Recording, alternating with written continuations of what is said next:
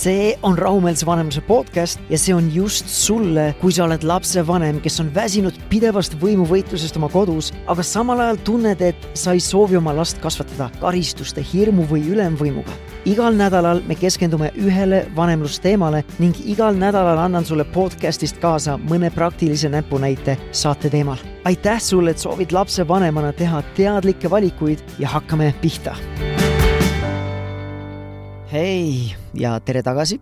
tänane podcast on natukene erandlik või vähemalt natukene eelmistest erinev, kuna tavaliselt ma ei kajasta või ma ei räägi selles podcastis päevakajalistel teemadel. paraku aga selle salvestuse ajal oleme nii meie pere, me oleme oma perega nüüd siis selles neljateistkümnepäevalises kohustuslikus karantiinis, kuna me saabusime hiljuti Hispaaniast ja, ja ka tegelikult, kui ümberringi vaadata, siis on kogu ülejäänud Eesti ja kogu ülejäänud maailm tugevalt mõjutatud käimasolevast koroonaepideemiast. ja praeguseks on selge, et see koroona teema on pigem selline pikk maraton kui selline lühiajaline ja intensiivne sprint. selle tulemusena või selle tõttu ma olen märganud nii enda peres, oma vanemlusprogrammis kui ka selles meie tasuta Facebooki grupis Positiivne ja rahumeelne vanemlus, et inimesed hakkavad sellest eriolukorrast ära väsima mis tegelikult on ju väga mõistetav, sest esmane selline adrenaliinilaks on meie süsteemist lahkunud ja nüüd me vaatamegi kollektiivselt otsa sellele uuele reaalsusele. ja sellepärast ma tahtsingi täna rääkida enda ja ka teie pere jutumärkides siis kriisiplaanist või veelgi dramaatilisemalt siis jutumärkides sellest ellujäämisplaanist selles olukorras, mis põhimõtteliselt ongi siis see teadlikult paika pandud plaan, kuidas meie ja kuidas teie oma perega saate kohaneda selle uue normaalsusega, et siit siis edasi liikuda ja loodetavasti siis nii-öelda produktiivselt või siis harmooniliselt. Ja kuigi see on selline vägagi aktuaalne teema, eriti just selle salvestuse ajal selle koroonaepideemia kontekstis, siis sedasama lähenemist saame me kõik kasutada põhimõtteliselt ükskõik millise suure kas muutuse puhul või muutuse ajal või siis mingi pingelise perioodi ajal teie pere jaoks olgu selleks siis näiteks suur kolimine või töökaotus või töövahetus, koduseks jäämine või uue lapse perre lisandumine ja muud sellised suured ja pingelised muutused ja perioodid. ma mäletan veel võrdlemisi selgelt seda aega, kui me saime oma teise lapse ja meie vanem laps oli selleks ajaks veel ikkagi veel võrdlemisi pisike, alles kahe poole aasta vanune. Ja samal ajal oli minul tööl väga pingelised ajad. ja nüüd tagasi vaadates on loomulikult lihtne näha neid kohti, kus me oleksime saanud paremini teha või kus mina ise oleksin saanud siis paremini teha. Aga sel hetkel või sel perioodil me olime mõlemad naisega, ma ütleks, läbipõlemise äärel, kui mitte päris läbi põlenud. Tema siis oma koduste kohustuste, laste eest hoolitsemise ja kakskümmend neli seitse ema rolli tõttu ja mina töö tõttu, kuna ma tegin sageli ka õhtuti kodus tööd, kuna kliendid olid teises ajavööndis ja minu pea, minu mõtted olid kogu aeg siis töölainetel. ja sel perioodil meil oli oma, omavahel omajagu hõõrumisi, kuna me mõlemad tundsime, et ei saanud teiselt osapoolelt seda tuge ja toetust, mida me oleksime oodanud või mida me nii väga tahtsime see on see stereotüüpiline näide, kuidas kodune ema ootab, et lõpuks ometi mees tuleks koju, et siis ka tema saaks nüüd lõpuks puhata ja mees samal ajal tuleb töölt koju ootusega, et ise saaks kodus nüüd lõdvaks lasta või korraks jalad seinale panna ja puhata, sest tööpäev on teda nii-öelda tühjaks tõmmanud. ja kui ta nüüd lõpuks jõuabki koju, siis tegelikult mõlema osapoole ootused jäävad rahuldamata ja konflikte ei peagi väga kaua ootama ja nii mõnigi kord meie enda peres, mina ja minu naine, langesime sellesse toksilisse lõksu, kus me hakkasime oma olukorda või oma isiklikke raskusi teise omaga võrdlema. otse kui oleks meil siis, ma ei tea, kurtmise või halamise maailmameistrivõistlused, kus kumbki püüab oma raskustega teist üle trumbata, lootes, et siis lõpuks see teine osapool märkab teda ja tõttab talle appi ja loomulikult enamasti seda ei juhtunud, sest me mõlemad olime nendel hetkedel ainult iseendale keskendunud ja me kumbki ei tundnud, et meid võetakse kuulda või et meie olukorda nähakse või meie, või meiega arvestatakse. see, mida ma täna tahan sinuga jagada, seda plaani võid vabalt kohendada ja kasutada ka väljaspool seda koroonaepideemiat ja ma julgustangi sul seda tegema kasutama seda podcasti saadet siis otsekui näitena ja siis võtta see raamistik ja rääkida oma partneriga kodus läbi ja panna siis see kriisiplaan omavahel paika. ehk siis kuidas teie käitute, kui teie mõlemad olete nii-öelda tühja paagiga või tühja tassiga. ja ma jagan täna sinuga ühte väga olulist strateegiat, mis on kõige selle ülejäänud podcasti osa aluseks ning siis lõpus jagan sinuga viite mõtet, mida me enda peres püüame siis järgida või rohkem teha ja viite mõtet, mida me püüame praeguses olukorras oma peres siis vähem teha. ja ma loodan, et see paneb ka sinul natukene mõtte tööle ja te saate midagi sarnast ka võib-olla enda kodus teha või enda kodus kokku leppida ning teha selle plaani just selliseks, mis teie pere jaoks töötaks aga nüüd siis ilma pikema jututa räägime siis sellest ühest strateegiast, mida ma ise tegelikult õppisin Brené Brownilt, kes on üks minu enda isiklikest suurimatest mõjutajatest. Ja varasemalt ma olen kuulnud seda suhtumist, et abielu või siis tervislik kooselu peab olema fifty-fifty, viiskümmend, viiskümmend, millega mina isiklikult kunagi ei ole tahtnud nõustuda, sest minu suhtumine on väga pikka aega olnud, et tervislik suhe või abielu on sada protsenti ja sada protsenti, mitte viiskümmend, viiskümmend ehk siis me mõlemad oleme sada protsenti suhtele pühendunud ja me mõlemad panustame suhtesse sajaprotsendiliselt. ja teoorias see tegelikult ju kõlab väga hästi vähemalt mulle kõlas väga hästi. Aga siis mingil hetkel ma kuulsin Brene Browni arutlemas, kuidas see kõik praktilises elus ja sellises reaalses igapäevaelus ei ole võib-olla nii lihtne või see ei ole nii mustvalge ja see ootus et me mõlemad panustame kas meie suhtesse või siis pere ja kodu nii-öelda juhtimisse alati võrdselt, et see ootus on tegelikult väga naiivne ootus. võtame kas või näiteks meie pere praeguse olukorra, sel hetkel või sel ajal, kui mina seda praegu salvestan, on minu naine kodune ja on päris mitu aastat olnud ja minu töö on peamine sissetulekuallikas ja ma ei jaga seda siis, ma ei tea, hooplemiseks, vaid pigem sellepärast, et sellesse suhte dünaamikasse on juba sisse kirjutatud praegu või meie olukorda, et see ei ole võrdne. näiteks mina ei saa oma naisega ajaliselt võistelda selles, kui palju me laste kasvatamisse kaasatud oleme, ajaliselt. ja mitte, et see peakski võistlus olema, aga lihtsalt näitena, et selle võrdsuse tagaajamine ei ole võib-olla väga mõistlik. Ja samamoodi on ka meie enda võimekusega või valmisolekuga igapäevaste nõudmistega hakkama saada, eriti nii-öelda situatsiooniliselt see teooria, kui ma kuulasin seda, siis see kõnetas mind väga. ja see on umbes selline, et mina ja minu naine, me kahe peale peaksime oma naisega siis kokku saama siis selle sada protsenti, mis puutub siis meie võimekust ja meie valmidust oma igapäevaülesannetega toime tulla. Nii koduste kui ka töö nii-öelda ülesannetega, nii lastega kui ka siis oma suhtega, ehk siis selle suhte hoidmisega ja nii edasi. ja kogu see point ongi, et oma partneriga regulaarselt, miks mitte igapäevaselt, kas hommikuti või siis töölt koju tulles, kontrollida või siis teha selline inglise keeles nii-öelda see check-in, kus me siis kontrollime seda iseenda valmidust või võimekust või siis seda nii-öelda jutumärkides temperatuuri, et kus sina praegu oled sellel skaalal ja tõesti kuulata ja vastu võtta oma partneri see sisend, kus tema parasjagu on. Ehk siis näiteks, kui mõni õhtu ma tulen töölt koju ja ma tunnen, et ma olen tõesti, ma ei tea, kahekümne protsendi peal. nii-öelda telefoni aku läheb juba kahekümne peal punaseks, on ju, et ma olen seal punase piiri peal.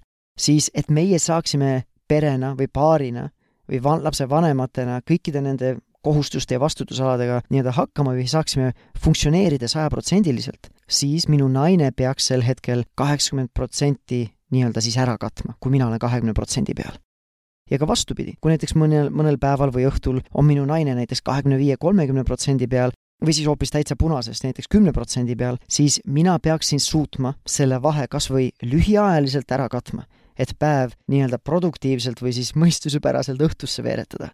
et me siis ei kargaks teineteise kõrri, on ju. ehk siis ma peaksin olema valmis mingeid ülesandeid, mis reeglina näiteks on olnud minu naise kanda, näiteks ütleme, õhtusöögi tegemine, ma peaksin olema valmis need enda kanda võtma ehk siis pelgalt juba see teineteise olukorra või situatsiooni või selle energiataseme või ressursside taseme nii-öelda mõistmine ja kuulmine võiks tuua teie ja ka meie vahele rohkem mõistmist ja empaatiat. ehk siis ma ei oota oma naiselt rohkemat, kui ta tegelikult võimeline on. aga kogu selle nii-öelda lähenemise väljakutse seisnebki selles, et kui näiteks minu naine ongi, ütleme, kahekümne viie peal, kakskümmend viis protsenti, ja mina lihtsalt ei ole täna võimeline seda ülejäänud seitsekümmend viit protsenti katma. et võib-olla ma olen ise näiteks ka kahekümne viie peal, aga kui ma tõesti ennast kokku võtan, siis ma suudan kuidagi kolmekümne, neljakümne vahele kuskile pigistada, on ju. et kui me ei ole valmis või me ei ole võimelised täna õhtul näiteks siis süüa tegema, kumbki, sest me mõlemad oleme mentaalselt või emotsionaalselt lihtsalt läbi, siis tulebki koos ühiselt paarina või perena tõele näkku vaadata ja peaks tegema lühiajaliselt oma plaanidesse muudatusi või oma ootustesse muudatusi olenevalt olukorrast, mõnikord piisab väikestest muudatustest, näiteks seesama, et me tellime selle õhtusöögi nüüd Woldi või Boltiga ja kulutame natukene rohkem raha, kui ideaalselt oleksime tahtnud. aga samas teinekord võivad need muutused olla suuremad või drastilisemad. näiteks äh, tõesti plaanide ümbertegemine, et tühistame õhtuse mingi sellise, ma ei tea, pere, ma ei tea, mänguõhtu ära, paneme lastele pooleteisttunnise multika käima, et siis saaksime ise lapsevanemate ja paarina saaksime korraks nii-öelda auru välja lasta või hingata või siis kordamööda ühekaupa õue jalutama minna või siis teineteiselt korraks käest kinni hoida, vaadata silma ja tõesti tunnistada, et pekki, olemegi täna läbi. lihtsalt, mida me saame teha, kuidas me saame teineteist toetada ja ise olla toetatud, et see päev õhtusse veeretada, on ju. võib-olla peame mingeid oma kohustusi kellelegi delegeerima, välist abi värbama või kasutama või kutsuma kedagi appi. ehk siis lühiajaliselt me peame tegema enda ootustesse nii-öelda korrektuure ja ka võib-olla mingeid plaane muutma või siis tegema uue plaani ja oluliselt kärpima neid ootuseid iseendile ja oma partnerile ja endale kui pereüksusele või paariüksusele. et siis meie enda energiatase, meie enda võimekus ja meie enda ressursside tase vastaks nendele ootustele, mida me nüüd enda õlgudele võtame selles situatsioonis, selles olukorras. et see on siis selline üks osa sellest plaanist. et lühiajaliselt teha see check-in ja lühiajaliselt muuta neid ootusi ja plaane ja teha uus plaan, et siis mõistuspäraselt õhtusse veeretada see päev. ja teine osa sellest plaanist on siis see, et tuleks paika panna pikaajalisem plaan, eriti just sellises kriisiolukorras, mis on kestev. et näiteks, kui on tõesti väga-väga pingeline periood töö juures või nagu praegu salvestuse ajal on see koroona eriolukord, mis tundub, et see kestab kauem, kui me esialgu ootasime. ehk siis kuidas selles kriisiolukorras või selles pingelises olukorras oma ressursse paremini kaitsta ja neid hoida ja neid oma tassi nii-öelda paremini täita.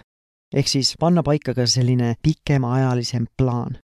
ja ma jagan sinuga viite mõtet siis, mida rohkem teha salvestuse ajal toimus selles eriolukorras ja mida siis, viis asja, mida siis vähem teha. Need on meie pere mõtted, aga need võiksid siis loodetavasti inspireerida sind ja sinu peret, et te saaksite samamoodi enda pere jaoks panna paika mingi konkreetse plaani, mis siis teeb selle olukorra jätkusuutlikuks. sest kui me esialgu võib-olla ootasime, et see on selline lühiajaline sprint, võtame ennast kokku, elame selle üle, siis nüüd paistab, et me peaksime tegema mingeid korrektuure oma ootustes oma igapäevaeluski võib-olla, et siis see üle elada nii-öelda normaalselt.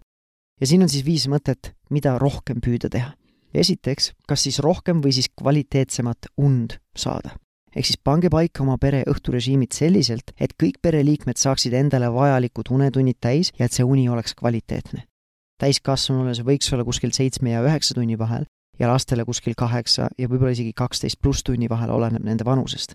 ja hoolitseda ka selle eest, et need unetunnid oleksid kvaliteetsed ja teine mõte, mida võiks rohkem teha, pange oma kalendrisse kirja, mis päevadel ja mis kellaaegadel te liigutate oma keha. sest üks asi, millesse mina usun, on see, et me peaksime alustama oma füüsilisest heaolust ja tervisest ja siis liikuma emotsionaalse ja mentaalse heaolu suunas. ehk siis magada hästi ja piisavalt ja teiseks siis liigutada oma keha ja see ei tähenda, et sa pead kuskile jõusaali rauda kangutama minema, mis koroona olukorras kontekstis niikuinii ei ole võimalik, või siis sa ei pea ka matkarajale sõitma, piisab võib-olla sellest, kui sa tempokamalt lihtsalt võtad ühe jalutuskäigu lähedal olevas pargis ette. või siis teed keharaskustega kodus trenniharjutusi või siis miks mitte ka näiteks joogat oma kodus teha.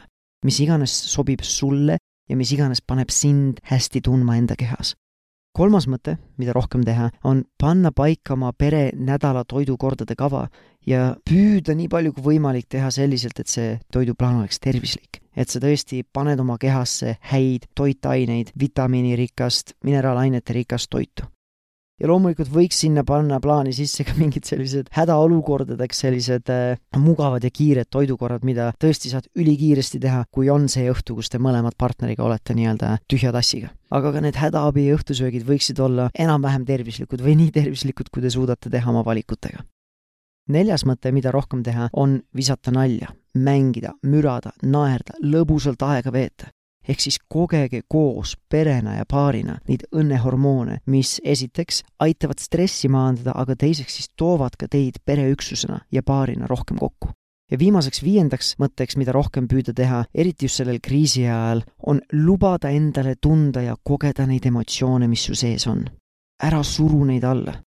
anna neile ruumi, koge neid, anna neile aega. kui sa oskad, siis püüa neid ka nimetada või aru saada, mis see on, mida ma kogen. ja võib-olla, kui sul on ka võimekus, siis uurida või mõtiskleda, et miks need emotsioonid mul üles kerkivad selles olukorras, just need spetsiifilised emotsioonid ja see aitab kõik nende emotsioonidega tervislikult tegeleda ja aidata, aitab neil nii-öelda lahtuda iseenesest. sest vastasel juhul, kui me neid alla surume, siis see ei lahenda neid emotsioone ära.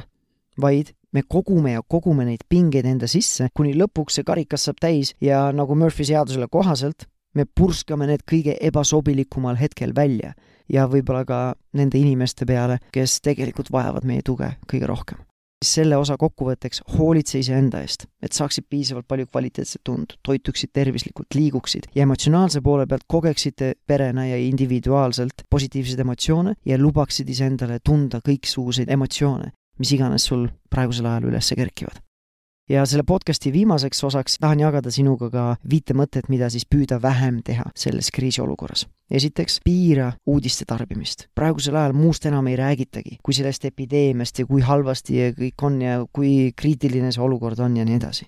ja väga lihtne on selles olukorras siis ennast ära kaotada sellesse ärevusse või hirmu ja eladagi selle sees, mis ei aita mitte kedagi teise mõttena püüda vältida vihasena või väsinuna või emotsionaalselt öelda asju mida sülg suhu toob. ehk siis öelda asju, mida sa tegelikult ei mõtle.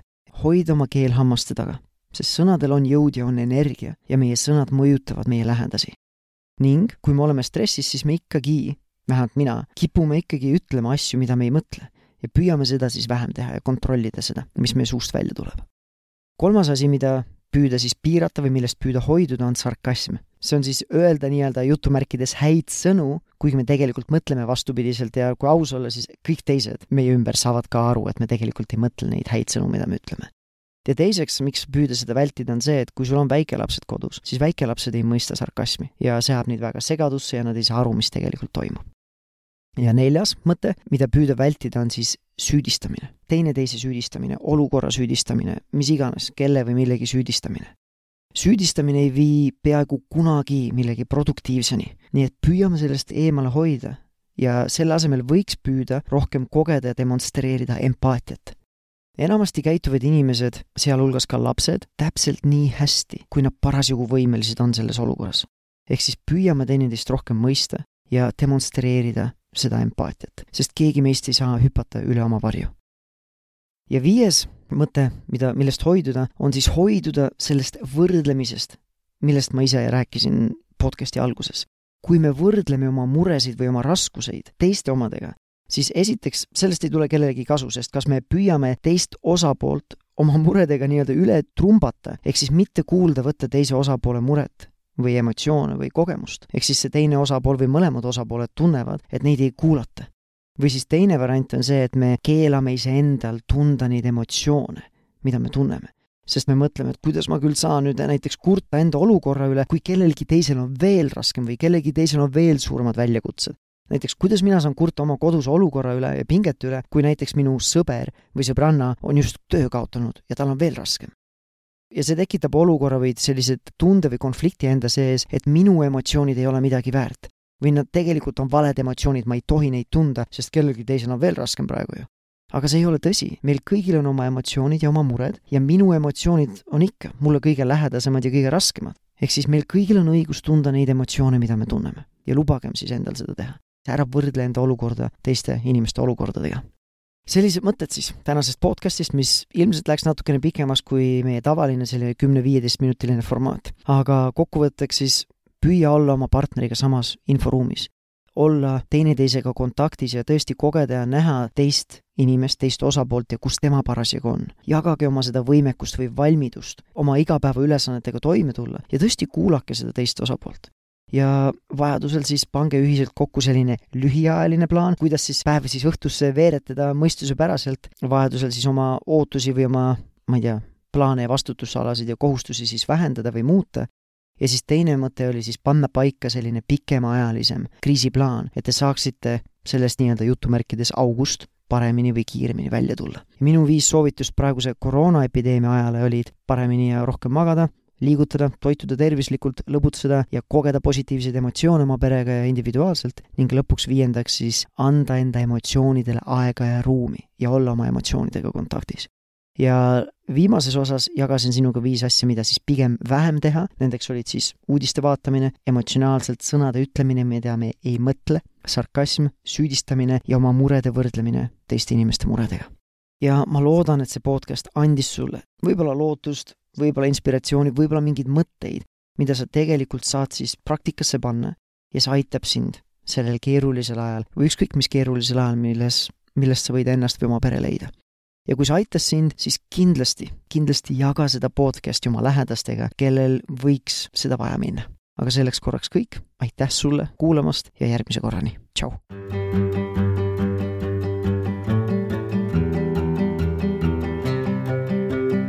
oot-oot-oot, enne kui ma sul minna lasen, ma tahan sind tänada selle eest, et sa oled lapsevanem, kes püüab ja soovib areneda isegi kui su laps seda praegu ei hinda, siis mina väärtustan seda, mida sa teed, nii et aitäh sulle. ja kui tänane podcast läks sulle korda, siis suurim kompliment, mida sa mulle teha saad, on soovitada seda podcasti vähemalt ühele oma tuttavale. tänutäheks ma tahan sinuga jagada ühte oma lemmikraamatu kokkuvõtet nagu sina ja mina teame, pereelu on vahepeal nii kiire, et ei jõua kõiki neid häid raamatuid kaanest kaaneni lugeda ja just sellepärast ma olen kokku pannud ühe enda arust parima vanemlusraamatu Lapse ajukeskne kasvatus lühikokkuvõte ja ma tahan seda sinuga jagada. sa leiad selle lühikokkuvõtte veebist taneljappinen.com kaldkriips kingitus. ja lõpetuseks ma tahan sulle meelde tuletada, et me keegi ei ole täiuslik lapsevanem ja see polegi oluline. Täiuslikkus ei tohiks kunagi olla mõõdupuu või isegi eesmärk oluline on, et sa liiguksid samm-sammult paremuse ja rahumeelsuse poole. nii et edu sulle sellel teekonnal ja järgmise korrani, tšau!